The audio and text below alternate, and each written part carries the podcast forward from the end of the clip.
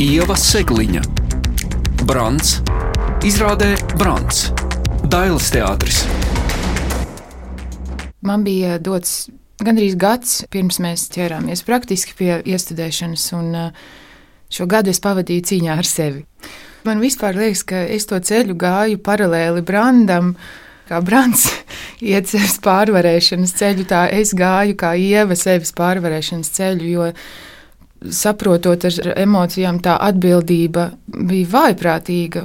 Gan tas, ka tas ir uh, kultūras kanons, gan tas, ka man blakus skatos stāv jūras strenga, gan tas, ka šī loma ir tāda loma, kuru tu nespētu pat savos sapņos iztēloties, ka tu varētu to spēlēt, jo pirmkārt tā ir vīriešu loma un kaut kāda stereotipa, vai es to vispār drīkstu, vai es to varu, vai, vai es to spēšu. Tādi jautājumi man, man prātā bija ļoti daudz, un tad es sev pateicu, nu tā, ja tu tagad ļausies šīm bailēm, emocijām, atbildībai, tas būs ļoti muļķīgi, jo neizmantot šo iespēju līdz galam un pilnībā, tas būtu neprāts. Tā bija laime patiesībā strādāt ar šādu materiālu, ar dramaturgiju, kurā ir tik daudz lielu un ļoti, ļoti nozīmīgu, svarīgu, aktuālu tēmu. Arī darbs ar vārdu, ar domu, ar spēju izteikt šīs dziļās domas, aiznest šīs dziļās domas. Un, uh, Man tas bija ļoti intensīvs, bet galu galā tik ārkārtīgi vērtīgs laiks.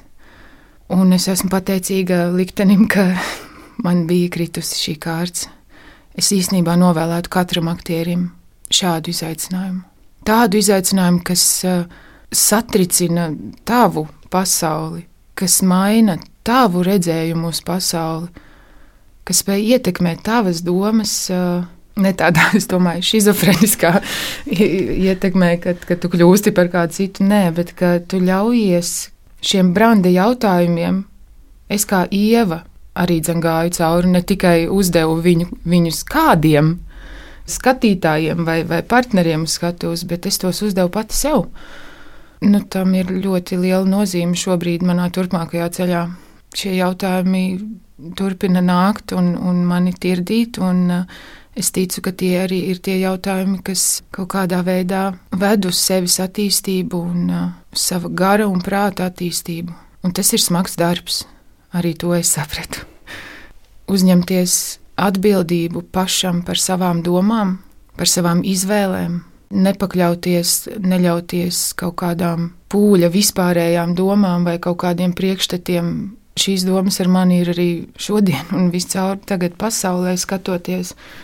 Es joprojām ne, es nespēju noticēt tam, kas notiek. Es nespēju noticēt, ka cilvēkos ir tik daudz ļaunuma, naida, un, un es ticu, ka tam visam bāzē ir nemīlestības faktors un arī reliģijas un ticības faktors ir tajā, tad kāda ir tava atbildība?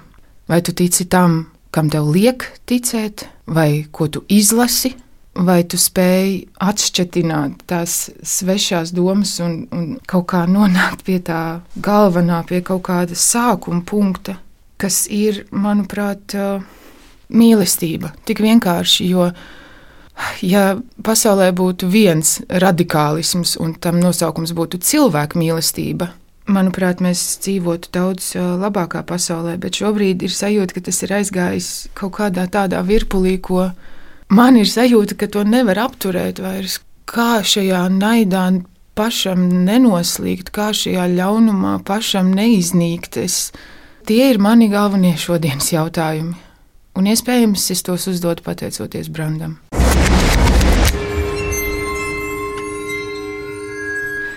Caur nakti melni rēgi jāšu strauces. Es redzu, redzu to, kā brāļi dodas kaujā, bet radinieki izliekas, ka neredz, novērš acis. Nožēlojams ir šis skats.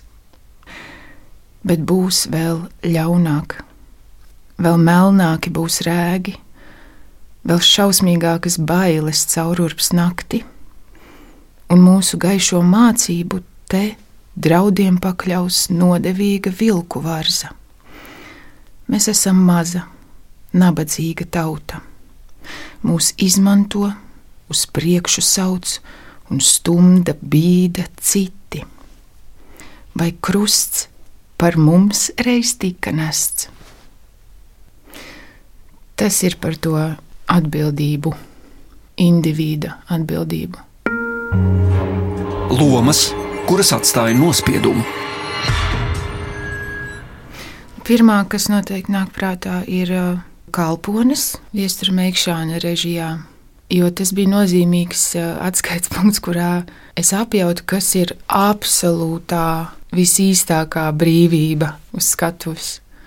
Tam noteikti ir liela nozīme arī manos turpmākajos darbos. Tas ir kaut kas, kas nāk man līdzi. Tas ir kaut kāds atskaites punkts arī perfektie, ideālie partneru savstarpējai saskaņai un uzticībai. Es noteikti nosauktu arī Raini, jo tas savā veidā arī bija tāds sevis pārvarēšanas posms un lielas atbildības posms. Režisori, kuri atstāja iespaidu. Ja mēs ejam chronoloģiskā secībā, Džilingers noteikti ir tas režisors, kurš man pavēra vispār ceļu uz teātri, un iespējams pateicoties viņam, es šeit dzīvē daru to, ko es tiešām mīlu darīt un par to es viņam vienmēr mūžam būšu pateicīga. Es domāju, ka ļoti liela nozīme ir arī Mārtiņam Eihem, pie kura laikam es eh, pirmo reizi sajūtu kaut kādu jau pirmajā iestājumā, kas bija Eņģeļi Amerikā, tādu režisora radītu atmosfēru mēģinājumos, kurā tu nebaidies ne no kā. Un tas nāk mums katrā iestādījumā, kur mēs satiekamies. Es atkal un atkal jūtu to sajūtu, ka tu esi brīvs un tu nebaidies ne no kā. Un tam ir augļi, jo no četrām izrādēm pie Mārtiņa Eikas, kurās esmu bijusi, trīs ir bijušas nominētas lomas. Un nu, tur nevar nepieminēt arī viesturmeikšanu. Kalpoņu sakarā pilnīgi noteikti. Tas, ir, arī tas bija kaut kāds satricinošs atklājums man. Un tā es varētu iet pa visu cauri visiem režisoriem, un, un, un katrā no tiem atrastos kaut kas, ko es esmu paņēmusi sev līdzi. Un, Viesturs Kairišs, kurš ir absolūti traks cilvēks un uh, kuram ienāk prātā dot man prātam neaptveramas iespējas un, un ļaut man tās uh, piepildīt. Viedoklis, kurā ieklausīties. Man noteikti tādi ir uh, daži kolēģi. Es esmu priecīga, ka mēs esam blakus un mēs esam tādas uh, stūtes un atskaites punkti viens otram. Mēs spējam no malas uh, pateikt īstos vārdus, lai palīdzētu nokļūt uz ceļa. Tas noteikti ir arī mans vīrs, Arthurs Krūskops, aktieris. Un patiesībā pirmo reizi mūžā Branda sakarā man bija nosprausti mērķi, ko es parasti sev pateicu iekšēji, un kaut kā līdz galam nekad es neticēju, ka tas var uh, arī praktiski tik ļoti atsaukties. Es uh, pirms iziešanas uz skatuves vienmēr saku, ka es runāju ne tikai ar saviem partneriem uz skatuves, bet es runāju ar katru, kas sēž zālē. Un tad tev iekšā liekas tā sajūta, ka tu tik ļoti gribētu, lai cilvēki sēž zālē un, un uzdotu šos jautājumus sev nevis vērotu, kā tie nabaga cilvēki tur skatos, mokās, mēģinot uz tiem atbildēt. Un uh, es tiešām saņēmu ļoti daudz ziņas sociālajos tīklos, uh, kur cilvēki dalījās nevis ar savu patiku vai nepatiku, vai ar uh, slavas vārdiem vai neslavas vārdiem, bet uh, ar saviem jautājumiem. Un tajā brīdī man izskrēja skudriņas cauri, un es kaut kā aptvēru, ka tas ceļš ir pareizs, kur mēs ejam, tā tad tas strādā. Kritiķis, kurš visu pasaka? Man liekas, ka mēs ievu segliņu pazīstam ierasti kā tādu ļoti meitenīgu, trauslu, ļoti emocionāli atvērtu, jūtīgu aktrisi. Un Brāns, protams, ir loma, par kuru varētu sapņot jebkurš Latvijas teātris aktieris. Tādēļ šī iecerē par to, ka šī lielā loma tiek uzticēta tieši šai aktrisei, tā bija viena no aizvadītās sezonas lielākajām intrigām.